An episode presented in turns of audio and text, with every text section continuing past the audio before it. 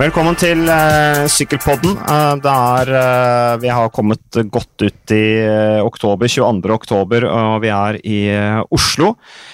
omtrent hele TV 2 Sykkelredaksjonen er på ferie, enten de er på Hawaii eller Granca eller hvor de måtte være. Så Derfor så har jeg måttet invitere med da, til panelet, og det er Henrik Evensen og Ole Forfang. Velkommen til Sykkelpodden. Tusen takk. Takk for det. Veldig hyggelig at dere kunne komme på såpass rask eh, varsel. Jeg ringte, jeg ringte deg i går, Henrik. Ja.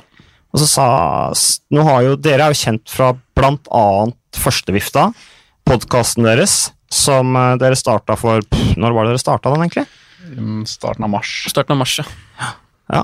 Men først og fremst er dere jo kjent fra Sykkel-Norge fordi at dere sykler i Joker Fuel of Norway. Uh, Ole, du vant faktisk Tour de Normandie i år. Eh, det stemmer, det.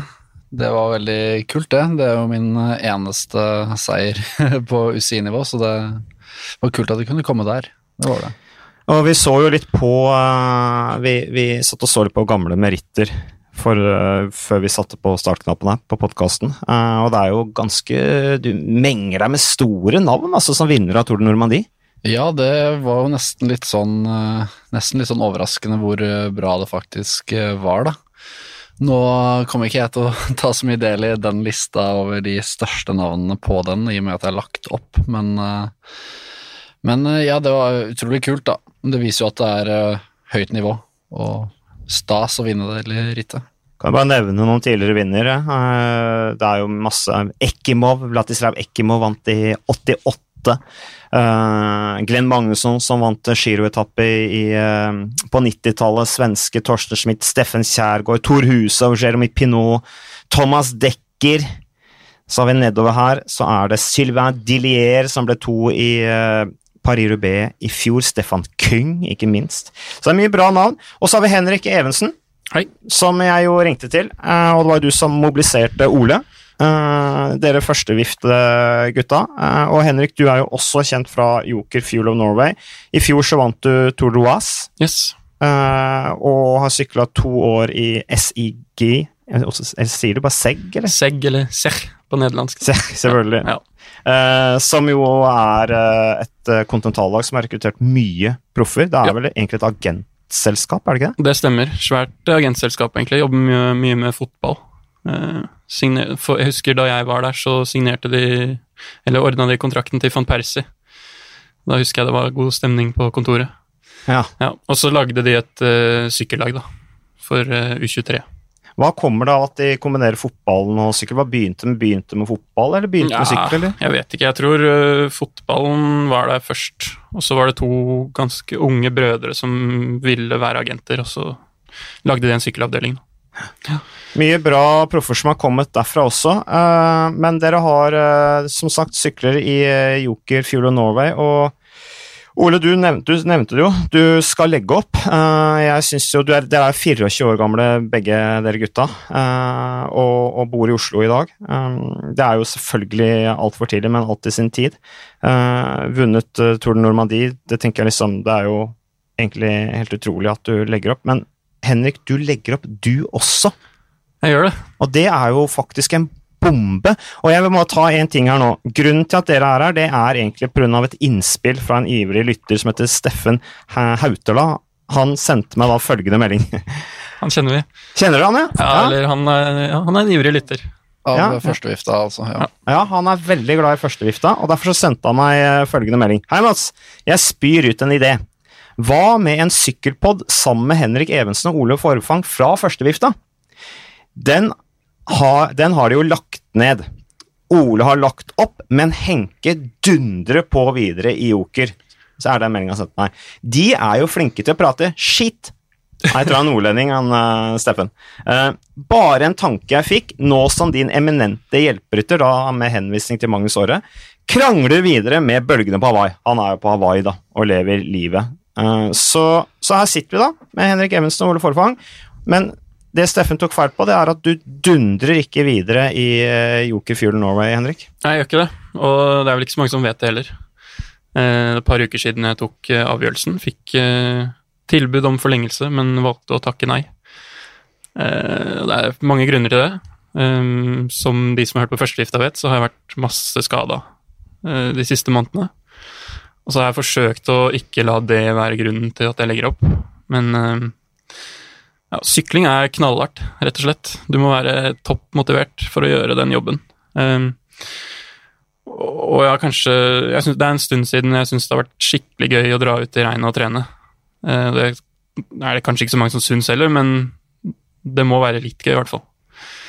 Og så er det Det er todelt. Jeg har fått ja, Jeg har ikke vært proff som sådan, men jeg har fått litt innsikt i hva det vil si å være proff, da. Og hvis du syns 40 rittdager i året er hardt, så skal du plutselig opp på 80, da.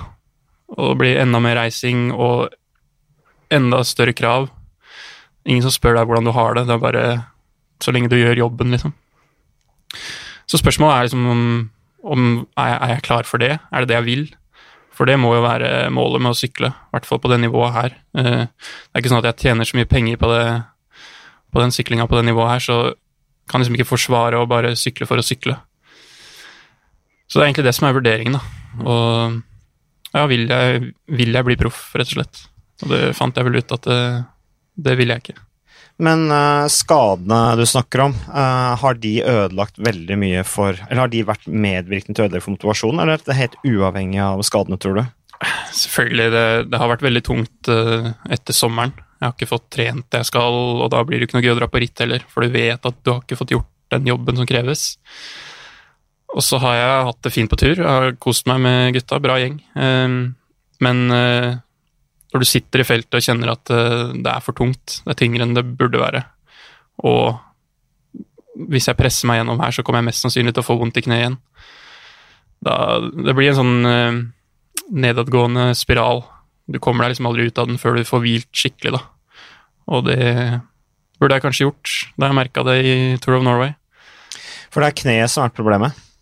Ja, først var det kneet, og så ble det rygg og hofte og mye rart.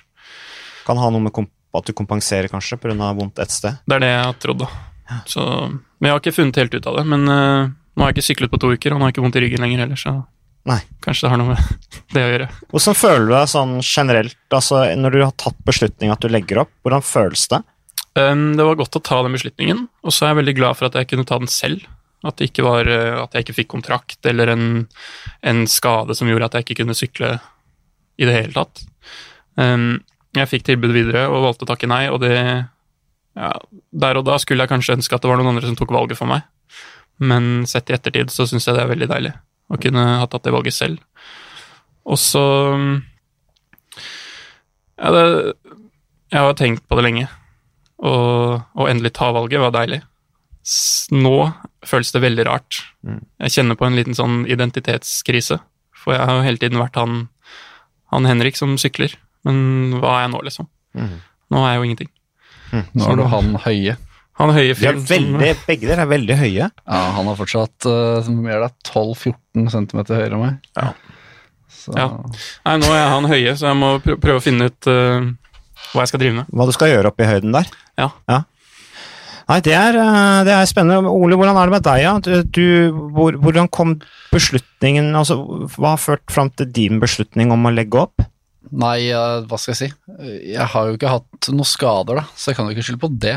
Men jeg har slitt litt med at kroppen ikke har fungert uh, optimalt. Uh, både første halvdel av 2017, eller sånn fra april og til og med sommeren 2017, og så hele 2018 egentlig, gikk uh, bort bare ved at jeg kjørte ganske dårlig hele året. Eh, så det var veldig, veldig irriterende, for jeg følte at jeg var aldri syk, og det var på en måte aldri noe som tydet på at det var noe galt. Jeg tok masse blodprøver og test, gjorde mange tester, men det var ingenting som tilsa at det var noe som var feil. Eh, men med en gang jeg begynte å trene hardt, så bare stoppet kroppen helt opp. Eh, så på slutten av 2018-sesongen, altså for ett år siden, så var jeg jo sånn 50-50 om jeg skulle fortsette eller ikke. Og så bare fant jeg ut at jeg hadde ikke lyst til å slutte fordi jeg hadde en så dårlig sesong.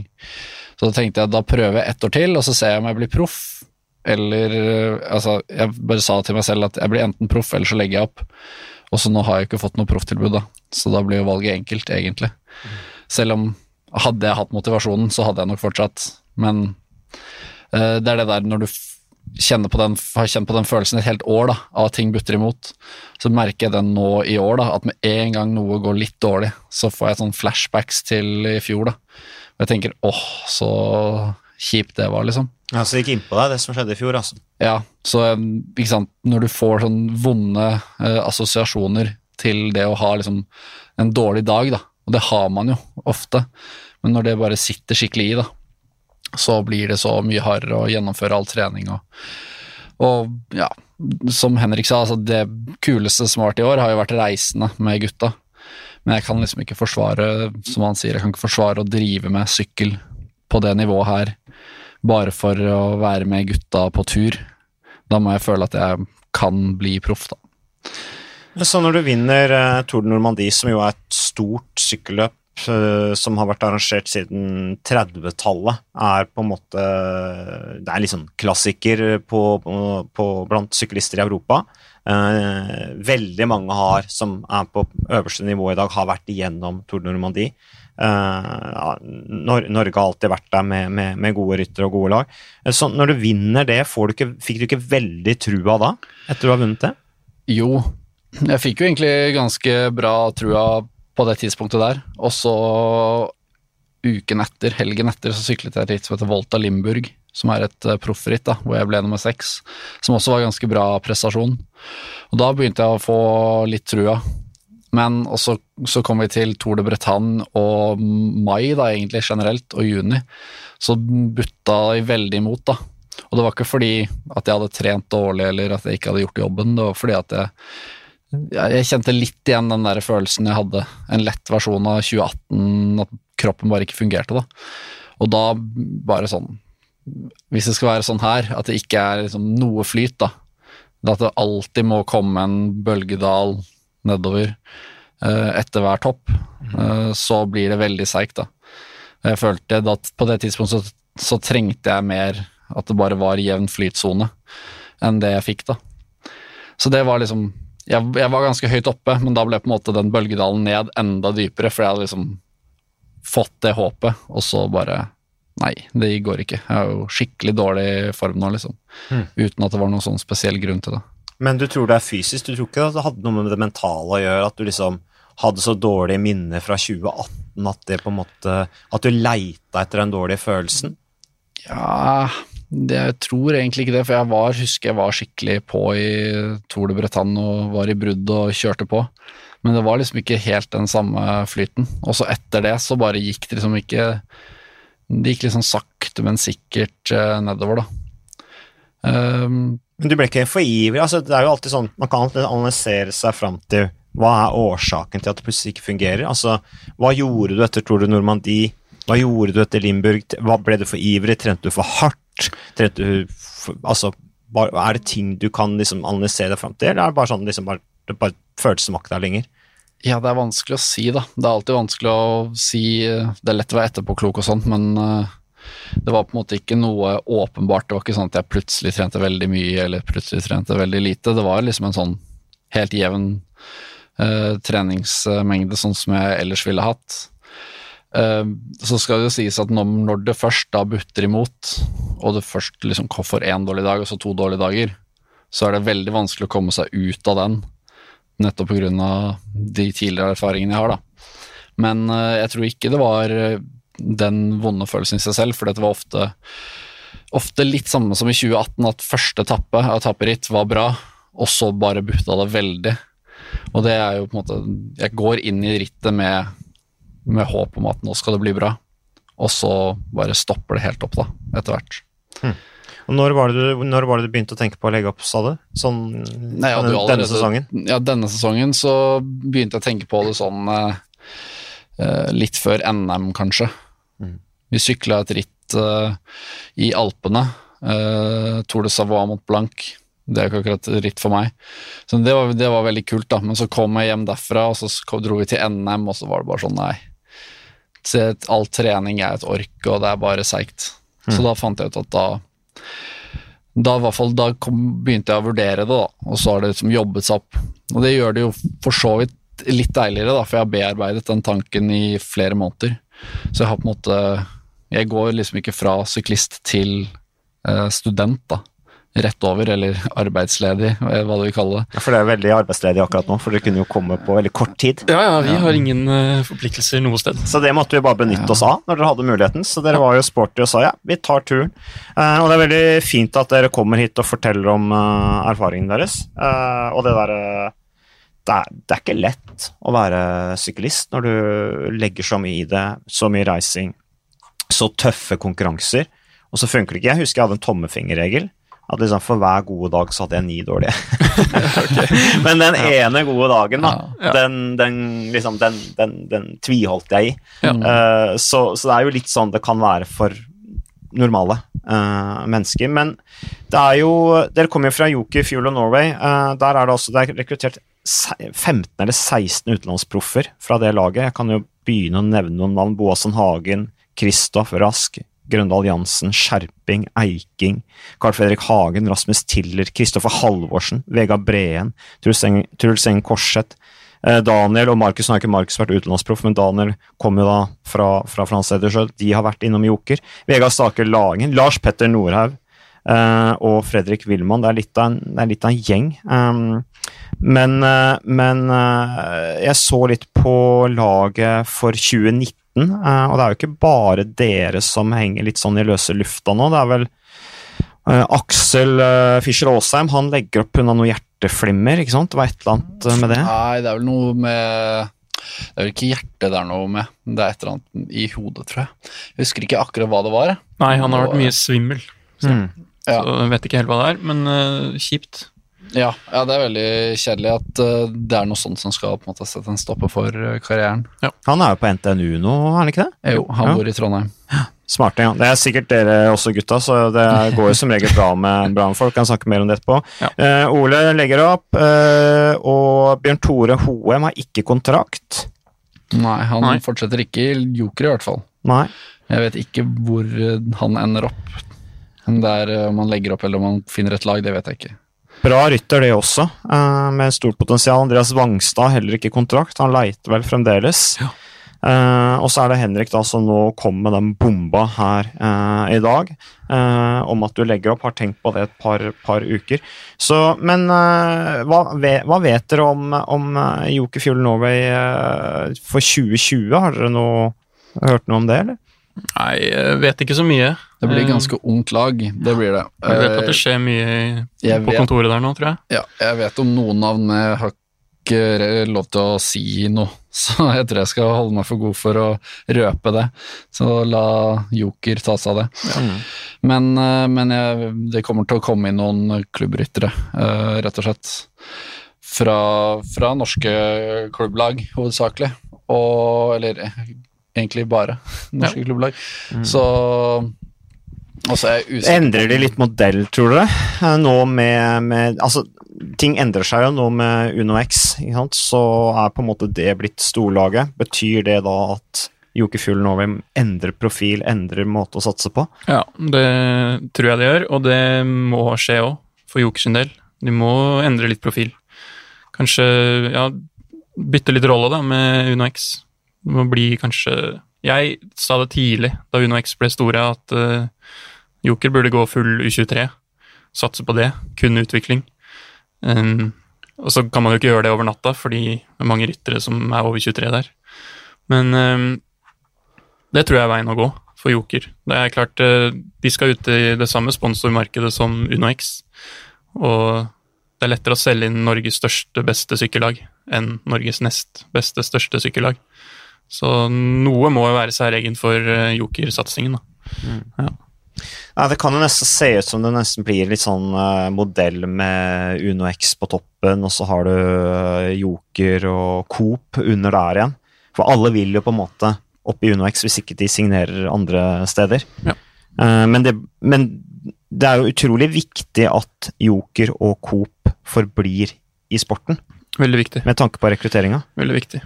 Ja, jeg er helt enig, og det tror jeg ikke er noe problem. De, eh, det inntrykket jeg har fått av laget før jeg sa at jeg skulle legge opp, var jo at det kom til å være en full satsing i mange år fremover. Så det var ingen antydninger til at det var på vei ned med satsingen. Det blir bare et litt annen rytterprofil, rett og slett.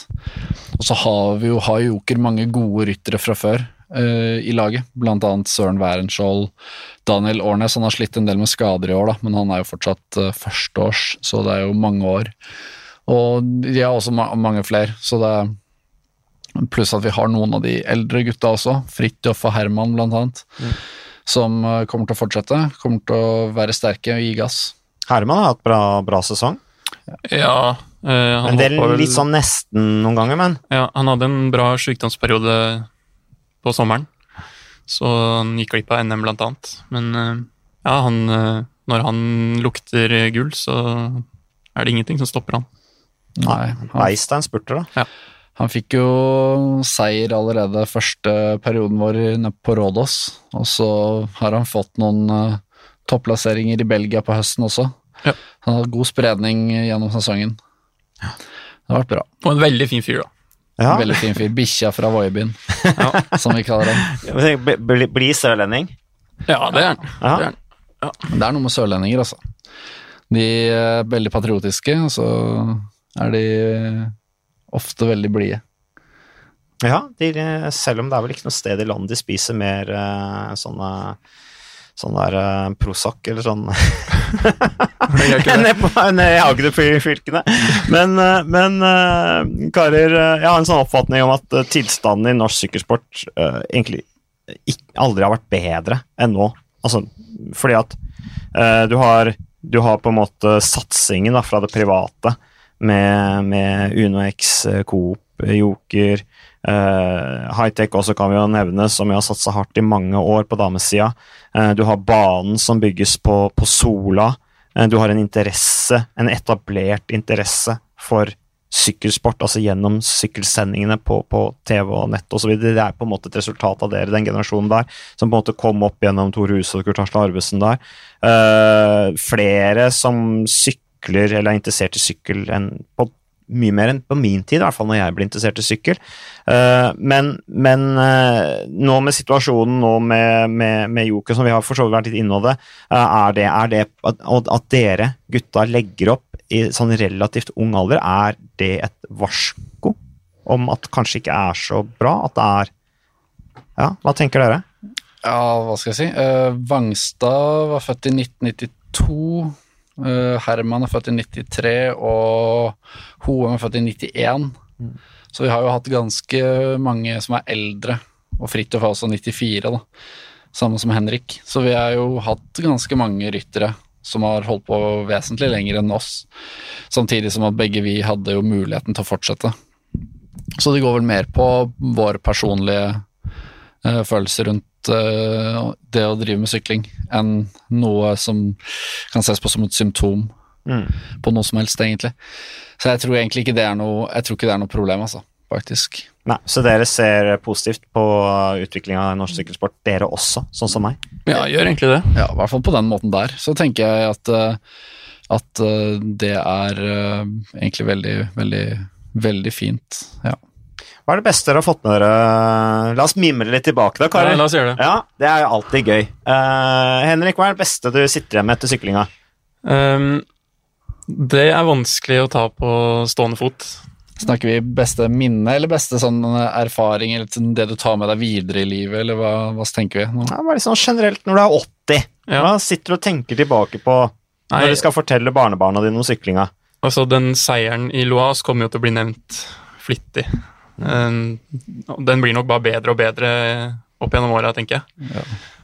Um, det kuleste jeg har vært med på, er nok VM i, i Doha, der hvor uh, Halvorsen vant. Det var uh, helt rått. Skulle gjerne hatt litt flere tilskuere, Ja. men uh, den opplevelsen var utrolig var mye sand, da. Mye sand. Mm. Ja. Varmt var det sånn, òg. Jeg sykla Bergen året etter. Jeg syns det var fetere med Doha, fordi vi vant, da. Ja, sykt. Fordi vi hadde så stålkontroll hele det rittet. Ja, nei, det var bare, Så så, bare Vi dro ned der som- lenge før alle de andre. Trente, prøvde å trene, det var ikke lett. Uh, altså Fridtjof besvimte jo ute i ørkenen der på et tidspunkt. Uff, ja. uh, og måtte kjøre bil hjem. Uh, og ja, vi Men det tror jeg var nøkkelen da, til at vi klarte å Vi så jo flere gode ryttere som bare falt helt gjennom. Fabio Jacobsen, blant annet. Hadde jo, han var vel ikke i spurten engang. Nei. Han tryna kanskje. Så, men eh, det, det var aldri noe tvil da, fra Kristoffer Halvorsens eh, side. Det var bare hvis vi gjør sånn og sånn og sånn, så vinner jeg. Ja, han var rå det året der. Men dere var jo lagkamerater i Doha, dere. Eh, Vi var lagkamerater, vi Ja. sykla sammen begge to. Så da var det et fantastisk bra lag. Hadde, men da hadde du jo også Halvorsen som var litt sånn Han var ganske sånn tydelig ener, da. Mm. Og det er jo gjerne liksom når du har den tydelige eneren, så blir det Særlig med norske lag, så blir det veldig sånn bygd lag rundt han og veldig god følelse. Det var jo en, en av nøklene det året. I hele, jeg sykla jo eh, nesten alt på U23-landslaget det året. Og vi merker veldig stor forskjell fra det norske laget på alle andre lag, da. Eh, fordi vi var en enhet, vi kjørte sammen. Det var jo nesten bare ryttere fra Joker. Det var gjerne i hvert fall fem av seks ryttere fra Joker på landslaget det året. Uh, og vi hadde alltid en kaptein, eller vi hadde alltid liksom en klar plan, da. Og vi skulle alltid kjøre sammen for at en av oss skulle vinne. Mens uh, lag som Belgia, da, der var det fem-seks ryttere som bare alle prøvde å kjøre for egne sjanser, da. Og da er det jo mye vanskeligere å få et godt resultat. Ja, dere kjørte som lag. Ja, rett og De andre landa kjørte som bare en gruppe. Like drakter, men Ja. alle kjørte for seg. Ja. Og det var, det var jo egentlig det som uh, man kjente igjen veldig Vi kan si det i Doha òg, da. Der hadde jo um, Tyskland hadde jo han Ackermann som ble to, men de hadde jo en spurter til. Han, han husker ikke hva han heter engang. Um, de hadde jo, hadde jo med en spurter til, av uviss uh, grunn, som bare spurta for seg selv. Uh, som ble nummer sånn et eller annet topp ti et sted, kanskje nummer åtte eller noe. Men eh, hadde de hatt én hjelperytter til, da, så kunne jo plutselig han Ackermann vunnet istedenfor uh, Doffen, ikke sant. Det vet vi jo ikke. Men eh, det var ganske close på slutten der. Men eh, ja, for Ole, du, jeg leste et intervju med deg i procycling.no. Der sier jo du det samme, at det er noe av det du ser tilbake på som kanskje noe av det største du har vært med som syklist. Naturligvis. Ja, ja det, det, for min del så blir det jo sånn når jeg skal skryte litt, så blir det jo Tour de Normandie, da. Mm. Men uh, når jeg senker tilbake selv hva jeg syns var mest uh, morsomt, så var det nok uh, VM i Qatar. Hele turen, egentlig. Og alt som skjedde der nede fra vi dro ned til vi dro hjem, var liksom bare Hele pakka var kjempekul, da. Du har en sjetteplass i junior-VM på tempo, har du ikke? Jo, eh, det var i Firenze i 2013. Men det, men det var litt annerledes, for det var så Jeg fikk vite Rittet var på tirsdag eller noe sånt. Da en tirsdag fikk vite på eh, kanskje seks dager før at jeg skulle ned i det hele tatt. Og så eh, Ingen som hadde noe tro, tro på at jeg skulle gjøre det noe bra. Det var liksom sånn, ja, Kommer han topp 20, så er det helt rått, eh, liksom. Så bare satt jeg der, da var, var den eneste junioren som var der. Det var jo omtrent ingen andre på hele i den norske leiren. Det var bare noen U23-temporyttere i tillegg. Og så kjører jeg på, da, og så blir jeg nummer seks. Og det, altså, jeg var en av, jeg starta midt i gruppa da, eh, og var nummer to i mål. Tenkte jeg sånn, ja, jeg blir sikkert nummer sånn 17-18 eller noe sånt, da. For det kommer jo, alle de beste starter til slutt.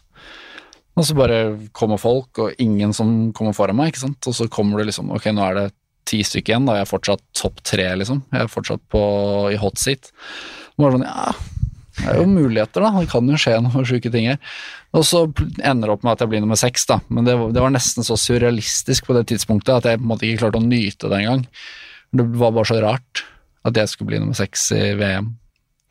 Dere har jo svær motor begge, da. Eh, Høye og svære, lange bein og greier. Så sånn tempo kunne dere kanskje vært enda bedre i som U23-rytter òg. Ikke han her. Han Nei, er, Ikke du, Henrik. Jeg er jeg for stor, jeg. For Ja. tempo.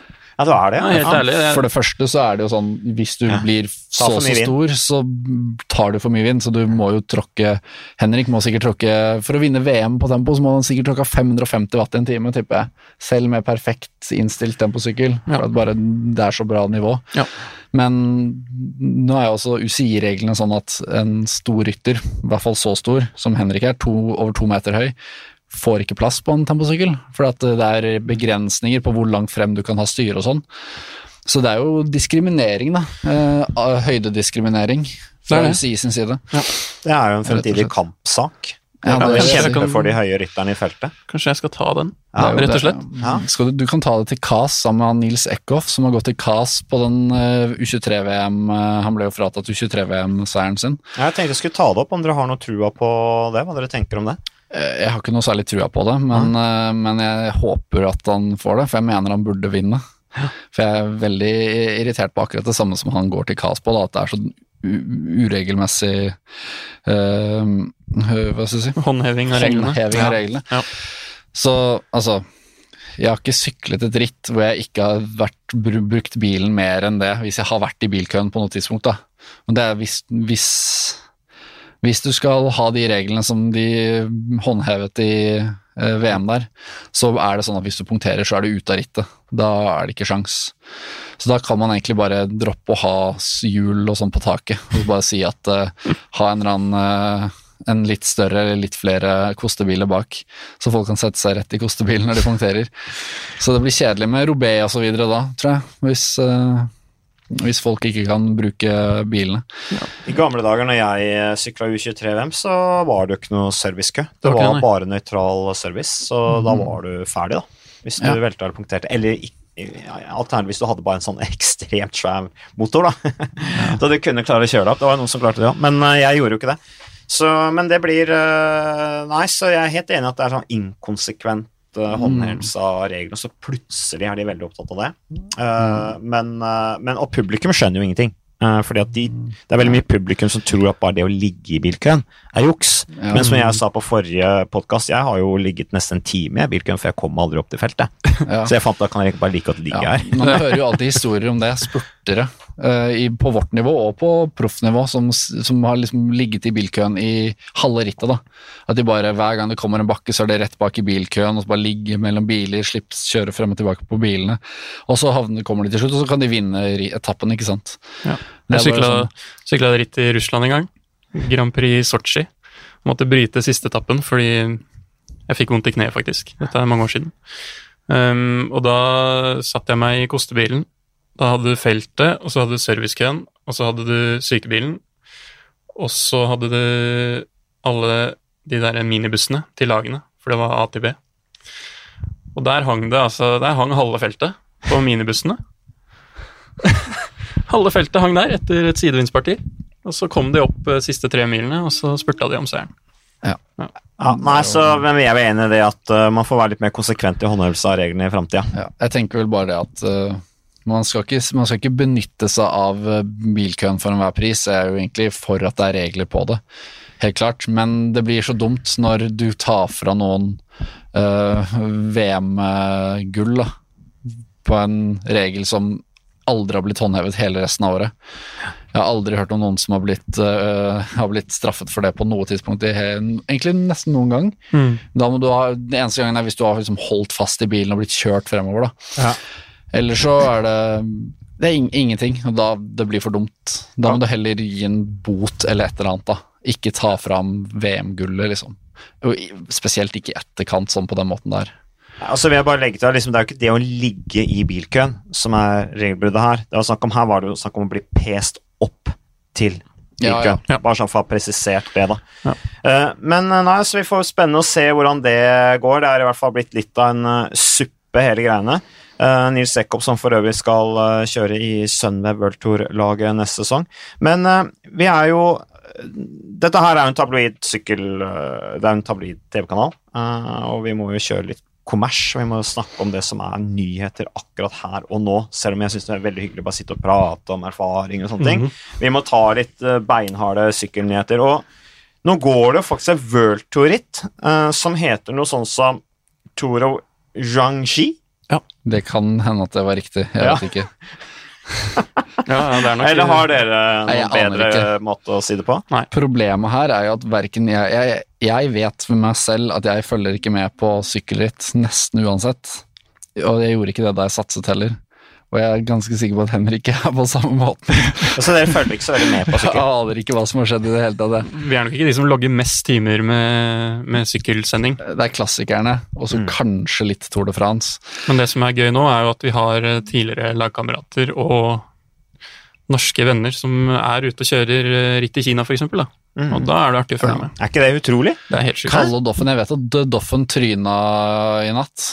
Hva gjorde han det, ja? Ja, jeg Det fikk, det, fikk en snap at han hadde tryna. Ja. Så jeg får litt oppdateringer fortsatt. Det. Det gikk bra med han, eller? Ja, det var bare noen skrubbsår. Ja. Deilig måte å avslutte Kina på, tror jeg han skrev. Får håpe det ikke setter liksom standarden for 2020, da. Ja, Nei, det blir jo nytt år, nye muligheter i 2020, da, tenker jeg. Ja. Så Doffen har tryna hardt før han. eh, var vel en uke, halvannen før han vant i Hanshammer Classic, så brakk han et par ribbein i første rittet vi sykla. Grand Prix Lillers. Han er knall. Han bryr Så- seg ikke om en eh, velt. Jeg Han er hardinga. Ja, jeg tror han nok er noe skrubbsår skal gå fint, for han kunne ikke spurte før siste sånn to dagene før Hanshammer, så klarte han ikke å spurte i det hele tatt. og så vant han spurten ganske overlegent i Ja. Hanshammer der, så jeg tror, jeg tror ikke han er typen som kommer til å bli mm, veldig eh, påvirket. Men eh, en lang sesong for de proffene der. Mm. Hvor, hvor lenge er det til 2020-sesongen starter? Er det tre måneder? To måneder? Nei, det er jo ikke lenge. Det er jo, ja, det er jo i januar, det. Så er det to runder. Ja. Ja. Eh, Så, og jeg mener, sesongen i Europa starter jo gjerne i slutten av januar, det nå, så ja. Det går slag i slag, ass. Så skal det kanskje noen sykle litt bane. Ja. Sykkelcross har de. Sykkelcross, ja. ja. Jeg kommenterte jo sykkelcross uh, den helga som var her nå, fra Bern Ja. i Sveits. World Cup? World Cup, ja. Så da var det jo han Eli Iserbit som eh, vant da sin tredje verdens, altså den tredje av tre verdenscupritt så langt denne sesongen. Så det er liksom sånn når da Walt van Ert og Mathieu van de Poel er borte, så kommer det bare en ny fyr Ja. og dominerer. Ja. Lille Knotten, jeg vet ikke om dere har sykla mot Eli Jeg sykla mot ham i det nevnte rittet i Alpene. Ja. Han er ikke, selv om han er liten, så er han fortsatt cyclocross-rytter, så han er ikke en fjellgeit. Men, øh, men han er liten, ja. For han ser ut som han er tolv år gammel, for setehøyden er liksom bare tre centimeter over. Ja, han har bare teipa setet på ramma, tror jeg. Jeg tror han har ikke setepinne. Nei, han er nesten sånn. Så Han er jo mest kjent for, eh, for å ta litt sånn slarv, da, og, og, og litt tabloid, skikkelig tabloidsaker. Uh, han var mest kjent for å være sammen med Puck Moon, er det det han heter? Ja, eller blant oss så var han mest kjent som cyclocrosser, da. Men vi fikk jo vite om henne via han, eller ved at han drev med cyclocross. I hvert fall for min del. Men eh, nei, jeg, eh, jeg følger egentlig bare på cyclocross, så følger jeg bare med på rittene. Og så vet jeg ikke så veldig mye om hva som skjer utenom. Men, eh, men ja, det stemmer jo det. Hun har vel mange, flere hundre tusen følgere, tror jeg. Jeg tror jeg har nesten 300 000 følgere på Instagram. Ja, det er imponerende. Det er imponerende. Litt sånn typisk nederlandsk og belgisk, så blir hun omtalt som Nederlands mest attraktive sykkelrytter, ja. med henvisning til utseendet, selvfølgelig. Ja, ja, selvfølgelig. Det, ja, det er jo det som er eh, skremmende, da. At, eh, Ja, du, men det er jo en kultur jeg har, jeg har jo sett der. eh, noen resultater, og det er ikke all verdens imponerende. Men Nei, sykler nei, nei. Lotto? Ja. Mm. Ja, det er ikke av nivået, dessverre. Nei, altså Men, Lotto, som alle andre sykkellag, lever jo av inntekter og kommersielle interesser. Nei, men det er, for å si det sånn, det er veldig mange gode, veldig mange gode damesyklister der ute. Som uh, altså er skikkelig gode, rett og slett. Marianne Foss og Annemiek van Fløyten og så de der damene der. Nederland har jo- Breggen og i det hele tatt, ja. Ja, Nederland har egentlig, Vi nevner jo bare nederlendere, faktisk. Vi har hun derre Kasia Njeviadoma, hun som er sammen med Taylor Finney også, eh, som er veldig god. Men, men uh, altså eh, Så det, det er godt at det er fokus på prestasjoner der òg, for å si det sånn. At ikke gutta bare er griser hele, hele gjengen og bare ser på hvem som har flest følgere på Instagram. Nei, det er ikke noe fin utvikling, men bare tilbake til dette her Tour de Juangji. Ja. Så er det altså to nordmenn da, nå får vi det, de holder på nå. Nå er jo det er morgen eh, her i Norge eh, 22. oktober, de holder på nå omtrent, ikke jeg, med siste etappe. Men Carl Fredrik Hagen eh, er jo på en femteplass, og Christian Eiking er på en syvende. Det er jo pent, det, med et worldtour-ritt, bortsett fra at dette her er Tour de Juangji, så folk bryr seg egentlig filla. Gjør de vel? Ja, det er nok eh, noen som er der på ferie også. Mm. Jeg har Ja, skjønt det- eh, litt på noen av de rittene de kjører eh, sent og kanskje tidlig opp på sesongen. Det er litt ferie, og jeg tror, jeg tror det, det går et par øl og Det er har jeg fått inntrykk av. greit der. Jeg tror ikke de stresser så mye. Det eneste er vel de som eh, sliter litt med å få finne en ny kontrakt eller et eller annet. da. Det er jo World Tour-poeng å, å ta der nede, og det har jo en del å si. Så det er noen som er mer gira enn de andre, men jeg tror de største stjernene de er der bare på gøy, og så får de nok en del startpenger og sånn for å være med. Ja, helt sikkert. Men eh, Kalle og Eiking er jo, viser jo at de er, har liksom grei grunnform, da. For de er sikkert ikke toppa formen, de heller. Kalle har mer enn grei grunnform, ass. Han har, eh, han har grunnform der folk er på Når, når folk er på toppform, så er Kalle sin grunnform liksom begynner å avta og begynner å gå over til toppform. Men, eh, Så- apropos han, der har vært lag, lagkamerat med Kalle i fjor. Karl Fredrik Hagen. Eh, imponert. Det er et dumt spørsmål, selvfølgelig, men vi må jo bare ta det. Ja, eh, vi er veldig imponerte. Det skal sies at det var litt gøy eh, når de starta i Vueltaen der, og så begynte folk Det var vel Eurosport som sendte det. Begynte de å snakke om eh, Kommer han til å holde siste uka? Vi, alle vi som kjenner ham, tenkte bare han må bare komme seg gjennom de første ukene her nå. Ja. Komme seg til den siste uka, for det er da Kalle kommer til å kjøre bra. Ja. For Kalle er jo så seig at det er helt usaklig. Ja, Kalle er helt rå. Han uh, trener mye mer enn alle jeg kjenner. Trener hardere enn alle jeg kjenner, og elsker det mer enn alle jeg kjenner. Ja. Um, og, men det som imponerer meg mest med Kalle, er når jeg sykla ritt i Belgia med han. Når han etter ti minutter har det der i ansiktet sitt, hvor det ser ut som han skal dø fordi Ja. han er så sliten. Men så sitter han her i finalen. Ja, ja. Han er jo den mest aktive ofte også. Ja. Han, er, han er rett og slett veldig allsidig. Man skulle ikke tro det. Han kan ikke spurte, det kan han Nei, ikke. det kan han ikke. Men utover det så kan han med seg, Så lenge han bare kan ikke må over noe 500 og noe watt, så klarer han seg veldig bra. Han er ikke så dårlig til å spurte. Han slo jo Quintana i spurten om sjetteplassen på en etappe i Spania rundt. Ja, Da spurta de sikkert på 400 watt eller noe sånt, tenker jeg. Jeg husker jeg kjørte et eh, oppvarmingsdrag. Ja, nå utleverer jeg Kalle litt, da. Ja, Det var i Danmark i fjor, var det ikke Danmark rundt kjørte jeg en eh, fem minutter på Nei, fire minutter på 500 watt. Og så tok jeg en Kalle akkurat når han skulle kjøre en spurt. Og da passerte jeg han. Ja, men Kalle er klatrer og Kalle er klatrer. Kalle er klatrer. Så du var maskin eh, på flatene, Vi skal Henrik. ikke, skal ikke si noe på det. Det er han som er proff. Ja, altså, herregud, jeg, det var ikke noe sånt. Det var bare Det er litt artig. Ja, er litt han er artig. ikke den mest eksplosive rytteren. Men derfor er det imponerende at han sitter der i finalen i Belgia ofte. Ja. Selv om Han han er tøff sitter i der med nøtta. Han er fryktelig tøff. Ja, for han liksom, jeg tenker på sånn eh, eh, Det at han takler å sykle ritt i Belgia, sånt, det tyder på at han er ganske sånn Han er ikke sånn fyr som liksom Nei, dette er ikke noe for meg-type. Han tar utfordringer på strak arm. Han er åpen for alt, ja. Han eh, Jeg tror hvis han hadde blitt lurt av noen til å tro at han skulle være med i massespurt, så hadde han gått all in for det. Selv om jeg tror ikke det hadde gått så veldig bra. Men vi så jo i Spania rundt at han var sånn Han var sånn sant, Han var akkurat høyt nok oppe til at han ikke på en måte lot seg stresse av eh, maset inn mot oppløpet. Han var sånn mye sånn rundt 25.-plass, da. Sånn Mm. akkurat han fikk pengepremie, liksom, så massøren er fornøyd, for Ja. da får jo de litt ekstra Ja. eh, kontanter etter sesongen. Så nei, så han er en tøffing, så det er jo veldig lovende. Ellers så avslutta Vita Heine da med sterk andreplass etter Krone de Nation bak Lea Thomas fra USA. Det, som, det er kjempebra Vita. Mm. Eh, men Lisa Nordén ble nummer fem fra Sverige. Uh, vet, dere, vet dere hvilke andre meritter Lisa Nordén har i andre idretter? I disse Ekebergs ærespristider. Nei. hun hadde jeg lyst til å gjette, men jeg, Ja, gjett! Hvor gammel er hun? Det husker jeg ikke. Ok, men da hun, hun har enten drevet med langrenn eller løping eller noe sånt, da. Hun, hun trener seg en nordmann, faktisk. Ok, I dag. Arild Tveiten, som er landslagssjef for triatlon. triatlon, ja, ok. Ja, okay. Mm, hun har sølvmedalje fra OL i London i triatlon. Ble slått på målfoto av sveitsiske Nicolas Bierig. Lisa Nordén, altså, som også var med i VM i Yorkshire. Så det er jo dagens Ja. mest, eh, mest allsidige, kan vi vel si. Eh, Men dere var litt inne på eh, Nivea Doma, eh, kvinnelige syklisten, som er sammen med Tyler Finney. Tyler Finney 29. Eh, Det er jo ikke bare dere to som legger opp, han har jo fått nok, han også. Ja, ja, han ble tatt av kunsten, vel. ja, det var det han sa selv, i hvert fall. Ja. Jeg kjenner ikke Taylor Finney, men Nei. han virker som en eh, rimelig free fyr. Hvis jeg kan bruke det uttrykket. Men eh, jeg tipper han kommer til å meditere og male. Og Han er ikke helt min type, det kan jeg si. han holdt jeg på å Eh, si røyke urtemedisin. Men, eh, Trenger ikke å spekulere i det.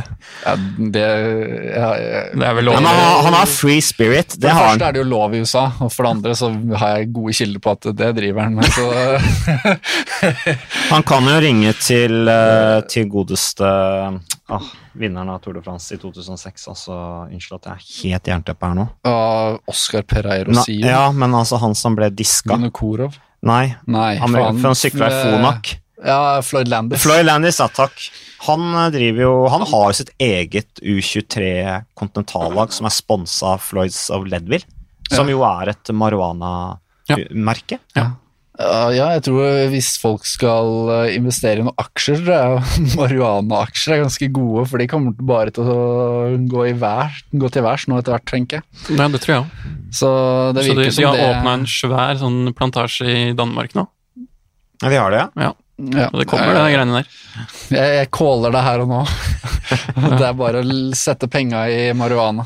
Det, Vi har snakka en del om marihuana på podkasten her også, eh, i forbindelse med at, uh, at det var denne her marihuanaplantasjen som ble avslørt under Spania rundt. Da Ja, de filma Ja, fra helikoptrene, og så var det den plantasjen oppi, oppi taket. Det er gøy, faktisk. Så da var vi igjennom det, så jeg tror kanskje vi ikke skal snakke noe særlig mer om Nei. Vi har litt yngre uh, lyttere og sånne ting, så Det er tross alt sykkelpodkasten. ja, det er sykkelpodden. uh, men tilbake til eh, Free Spirit, eh, Tyler Finney.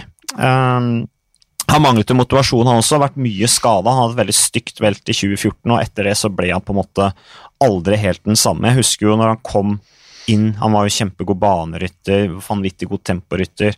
Alle ville ha han. Eh, han gikk til BMC, og det var en sånn kjempedragkamp. og Han tjente masse penger allerede fra ung alder. Ja. Eh, så han ble proff i 2011. Eh, Han er jo sønn da de kjente eller tidligere syklistene Connie Carpenter og Davis Finney, som jo begge har OL-medaljer i sykkelkarrieren. Tyler fikk aldri noen medalje, men han ble jo fire på temporittet i, i OL i, i London. Og hadde jo også trøya i Giro Italia det året. Så var det den der velten da som ødela veldig mye for han. Men uh, han eh, ble nå åtte i Paris-Roubais i fjor og tok jo 13 seire. Uh, men det var liksom personen Tyler Finney som på en måte alltid fikk oppmerksomhet utover resultatene, føler jeg. At han liksom bare var litt sånn større enn sporten, på en måte. Ja, men du får jo mye oppmerksomhet når du gjør mye ut av det, da, tenker jeg. Det er jo på en måte Han er jo litt sånn øh, øh, amerikaner øh, Holdt jeg på å si amerikaner på steroider, men nå mente jeg det billedlig, ikke bokstavelig. Men øh, altså, amerikanere er, gjør veldig mye ut av seg generelt, øh, og er litt sånn høylytte og sånn. Og han er jo da bare en ekstrem versjon av det. Så ja, hva skal man si. Folk er jo forskjellige. Og han er, han er veldig sånn høylytt type. Det får han bare være, tenker jeg da. Men eh, hva skal jeg si, jeg, kjenner ikke så mye, jeg har ikke fulgt så mye med på hva han har drevet med, utenom at han har drevet og, og malt mye. Eh, og den kunsten har jeg heller ikke sett så mye til, så Men du beskrives jo som poet. Jeg bare så på Wikipedia, stemmer det, eller har du skrevet dikt? Hæ? Står det her? Hvem er det som har og redigert på den Wikipedia-profilen din? Det har jeg lyst til å finne ut av, i hvert fall.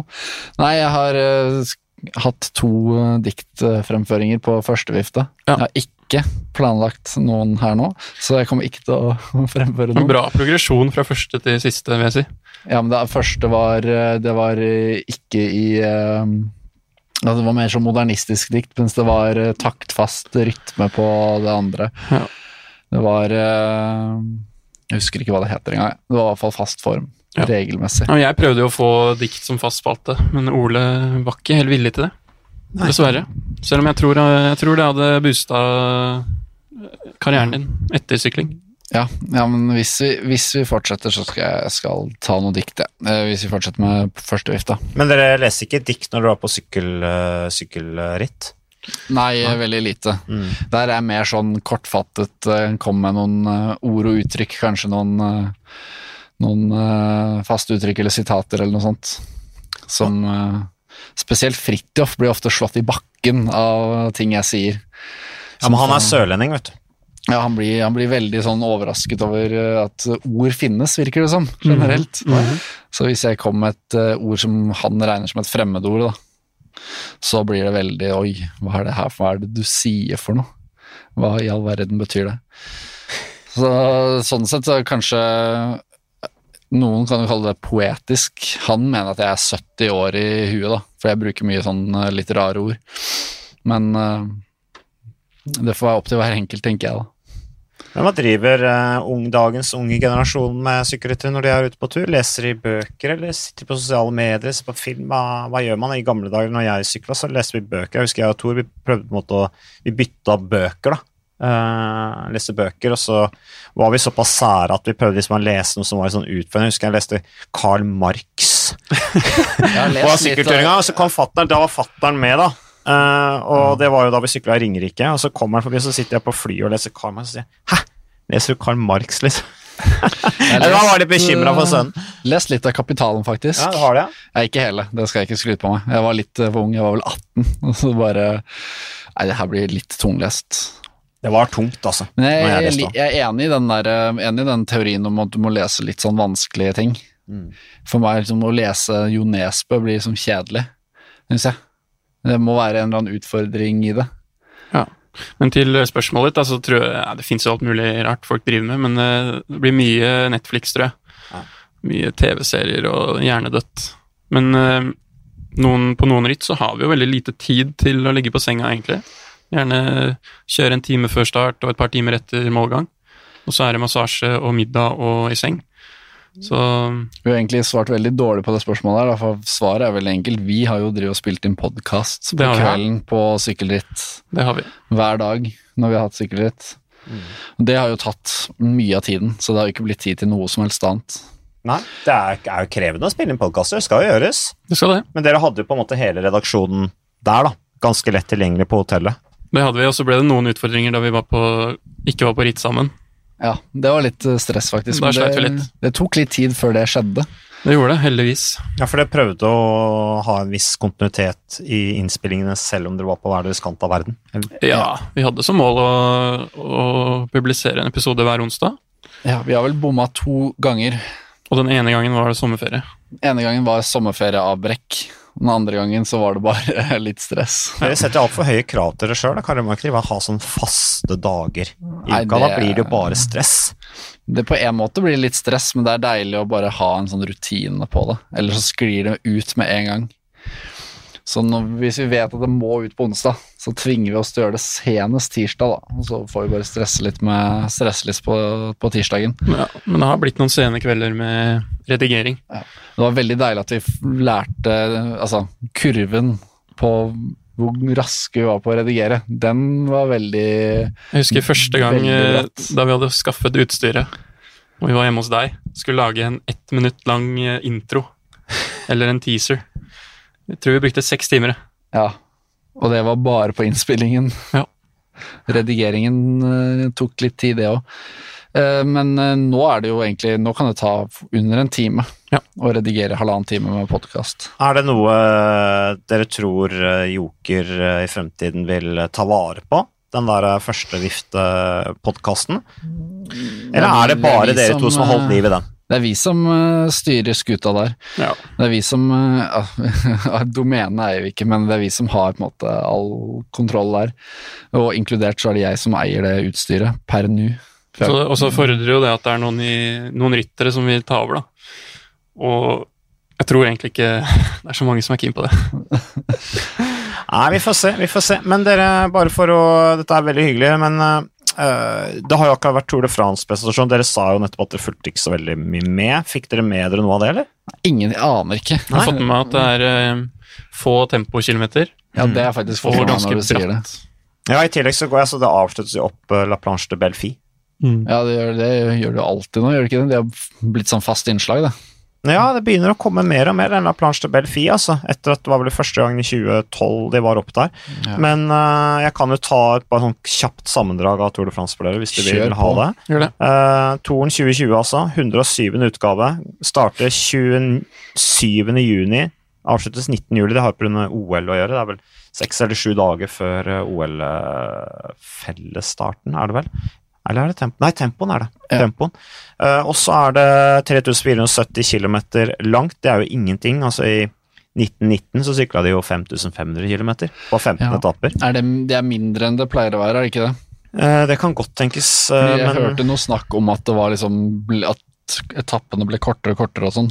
Så det kan hende at det var Jeg tipper det er litt kortere enn det det har pleid å være. Det er en tendens at det går litt nedover totalt i antall kilometer. Ja, og det tror jeg ikke er så dumt egentlig for sporten. Uh, den korteste fellesstarten er 122 km lang i år, da. Nå var den jo enda kortere, har vært kortere enn det også. Uh, I utgaven, uh, tidligere utgave. Lengste er 218 km, lengste etappen. Og så er det den 36 km med tempo, én tempoetappe med avslutning opp La, La, La, La Planche de Belfi, som vi sa. Det er fire fjelltoppavslutninger. Høyeste fjelltoppassering det er Col de la Lås, som er på 2304 meter, så det er vesentlig lavere enn det som var i år. Og så er det altså første gang da siden 1996 at det er ingen Alpe d'Huez, ingen Col de Galibier og ingen Col de Tourmalet som gjorde disse virkelig sagnomsuste fjellene. Og Chris Room sier jo, han halta jo inn der på den presentasjonen, sier jo at det er den hardeste løypa på seks år, mener han. Det er 29 fjell, da. Eh, og første fjelletappe er allerede på etappe to. Vi starter jo i NIS. Såpass, ja. Ja, ja. Så det blir heftig. Riktig. Starter i NIS, ja. Jøss. Ja, men jeg syns jo egentlig Jeg er jo litt enig, for det, ofte så er de mest eh, sagnomsuste fjellene er jo egentlig ganske kjedelige å se på, for de blir så lange og seige at ingen får gjort noen ting. Mm. Mens det er de litt kortere Det blir jo ofte flere, større avstand på La Planche de Belfi enn det blir på, på liksom de lengste fjellene, da. Mm. I hvert fall blant eh, favorittene, da. Fordi altså, de som ligger på 10-12.-plass sammenlagt, de er det ingen som bryr seg om egentlig sånn uansett. Det er ikke de som er spennende å følge med på. Nei, du får ikke de svart-hvitt-bildene fra good old days med det historiske perspektivet og sånn, da. Som Nei, det er jo det er sant, da. Så jeg vet ikke helt hva de prøver å oppnå, men det må jo være mer interessant racing, da, rett og slett. Mm. Nei, det er spennende. Ja, den der den lengste etappen, er den flat, eller er det fjell? Eh, Den tror jeg er eh, Det er, det er veldig sånn krydra. De skal jo gjennom alle de fem fjellkjedene i Frankrike i neste års eh, Tour de France, så det blir veldig sånn krydra. Én etappe flat, én hard etappe igjen, to etapper flat, og så Det, det blir veldig sånn Uh, Før så har det på en måte vært veldig sånn delt opp i blokker. Mm. Uh, det blir ikke sånn. Jeg tenker at det er en, at de har prøvd å lage løypa litt for, uh, for Julian Alaphilippe. Ja, det kan tenkes. Det er nok logisk, men eh, for jeg tenker jo det at uh, Selv om han sier at han ikke skal satse på sammendraget. Tror Ja. vi på det? det er Han er luring. si. Nei, jeg tror ikke på det. Jeg tror han uh, fikk litt blod på tannen i år. Ja, jeg tror ikke han trenger å satse på det. Nei, jeg tror ikke heller. Han kan bare sykle, han, og så går det bra, liksom. Ja. Mm. Han satsa jo ikke på det i år, og så gikk jo fint. Ja, ikke det, for ikke sant, er ikke det da går det ad undas, men med en gang, med en gang han begynner å satse på én sånn ting. Er ikke han bare sånn leken type som kjører alt? Jeg tror han bare skal gjøre litt av hvert, ja. Du ser jo det på Det er flere som får det til. Van der Poel, for eksempel. Kan gjøre både terreng og landevei og cross. Så jeg tipper han kommer til å gjøre det bra. Om han vinner, det er en annen sak, men jeg Det hadde vært det kul, han hadde vært spennende. kul vinner, da. Det hadde vært en kul vinner. Mhm. Forskjellen er jo det at han fikk litt gratis tid og sånn uh, i år. Det kommer han jo ikke til å få neste år. Så han må gjøre alt i fjellene. Mm. Det kommer jo til å bli en forskjell, da. Men eh, jeg syns det er kult det der med at de varierer det litt, for det syns jeg ofte blir litt kjedelig når det blir sånne bolker. Og så er det veldig irriterende når de har flate etapper som er over 200 km lange. For da gidder jo ikke proffene å gjøre noen ting, de bare lar et lite brudd gå, og så sykler de kjempesakte hele dagen frem til de siste fem milene. Så jeg, flate tapper de burde egentlig bare være 150 maks, Mm. og så, og så er de greit, liksom. Så kan du heller, heller ha 200 km, eller 220 km hvis det er litt fjell, for da har jo faktisk distansen litt å si. Da blir det litt chill. Ja. Det blir veldig sånn seigpining, da. Det blir seigpining, men eh, det er seigpining for seerne, da. Å sitte og se folk sykle på en sånn flat landevei i Frankrike i 190 km før det skjer noen ting. Definitivt. Det som ikke er like mye seigpining, er jo at det har vært VM i banesykling akkurat. Vi snakka om sykkelcross, men nå er det jo ja, Landeveissesongen er over, eh, men vi sender jo sykkelcross og bane. eh, Er det, ikke, er, det, ikke vært, er det ikke EM det har vært? Jo, EM, ja. ja. An- da hadde vi norsk eh, jente med. eh, Anita von Stenberg. Mm. Ble nummer ti i poengrittet. Eh, hun satser veldig på OL i Tokyo, men lykkes ikke så bra i omnium og scratch.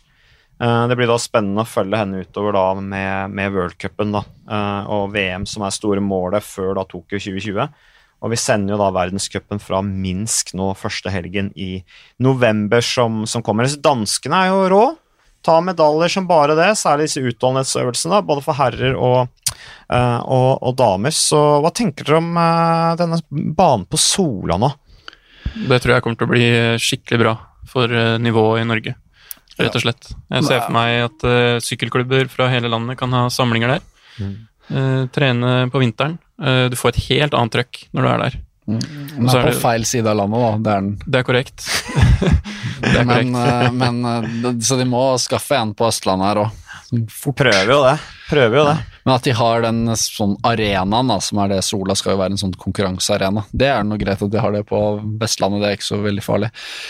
Men eh, jeg synes det, det, hvis vi skal få liksom skikkelig banetrening, så må det være sånn at du ikke må fly eller ta tog eller kjøre fem-seks timer i bil da, fra Oslo-området for å kunne prøve den banen.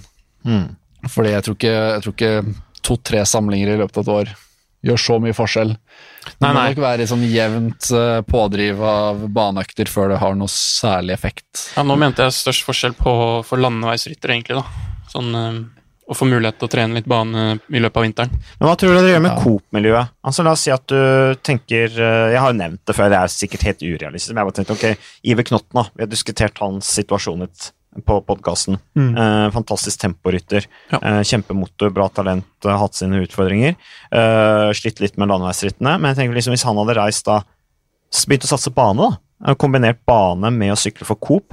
Coop, kanskje, Coop kan det jo kanskje være en fordel at de bygger en bane. at Kanskje man kan se den kombinasjonen der. Satsing på bane, satsing da på landeveien via Coop, det miljøet som er på Rogaland der, som er et sterkt treningsmiljø. At det kanskje kunne ut, ja, være en boost for rogalandsmiljøet, tenker jeg. Ja, det er mange muligheter eh, å sette sammen lag og spennende ryttere med et banetilbud. Det blir spennende å se hvordan de løser det, og hvordan det utarter seg. Vi må bare få shippa noen briter inn eh, før brexit, som kan være banetrenere. Eh, fordi vi har vel ikke så veldig mye banekompetanse. Jeg vet ikke så mye om banetrening, men jeg regner med det er en del annerledes enn vanlig landeveistrening. Så vi må få skippa inn en, noen briter hvis det blir vanskelig. Med tanke på brexit og de greiene der, så kan vi få inn noen dansker sikkert. Ja. Jeg tenker det er lurt å få inn noe kompetanse. Hvis det skal være en landslagstrener på bane, så burde det være en eh, som har litt kompetanse, i hvert fall de første årene. Finne alt på YouTube. May-Britt Waaland er jo eh, Hun er jo VM-medalje på bane. Ja. På 3000 meter individuelt på 90-tallet fra Colombia. Ja, stemmer. Og hun er jo en ressurs på rogalandsmiljøet. Ja, Stein Ørn har kjørt bane, så vidt jeg husker. Han kjørte i Vikingskipet, tror jeg. Ja. Eh, Da det var vel eh, i, i 94 eller noe sånt. eh, Gjorde han det? Ja, Ja, Stein Ørn trener, altså stefaren til Alexander Kristoff. jeg tror faren til Aksel, Egil Aasheim, også kjørte der. Det er der jeg hørte fra. Rått. Så Kult. der, der, la de jo bare en bane Vi skulle ha VM der eller noe sånt, var det ikke det? I ja. Vikingskipet. Og så Ah, bare, bare etter det så bare skrota de alt og bare Ja, ja, ja. ble til ved. Stemmer det. Jeg hang i svingen der og hang opp reklameplakater for Birger Hungerholt jeg, på den ja, tida der. det, ja. Benyttet seg av barnearbeid da, den, gangen. gang. ja, men da sto vi på, vet du, bretta opp erma og jobba. Men uh, karer, uh, vi har eh, passert timen. Vi har det, ja. Det er Masse vi kunne sitte og snakke om.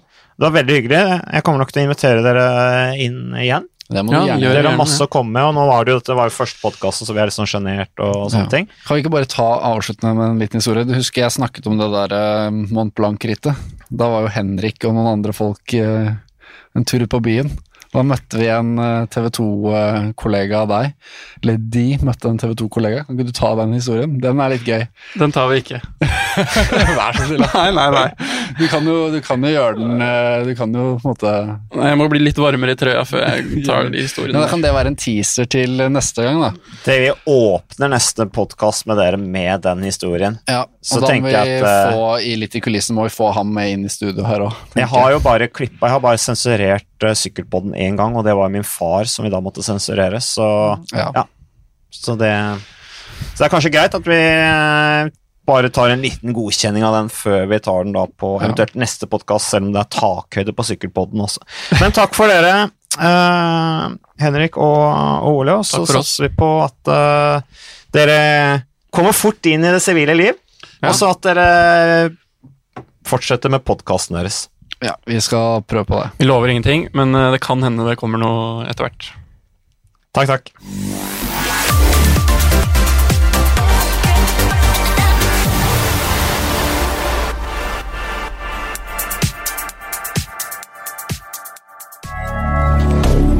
Moderne media.